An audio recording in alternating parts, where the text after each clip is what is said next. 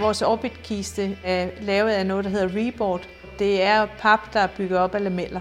Jeg hedder Hanne Elsner, og jeg er direktør på Fuglebjerg Kistefabrik, en af Danmarks største kistefabrikker. Vi laver omkring 20.000 kister om året.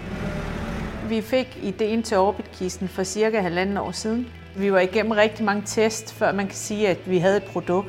Det viser sig, at den var ualmindelig stærk, kan sagtens bruges både til kremering og jordbegravelse.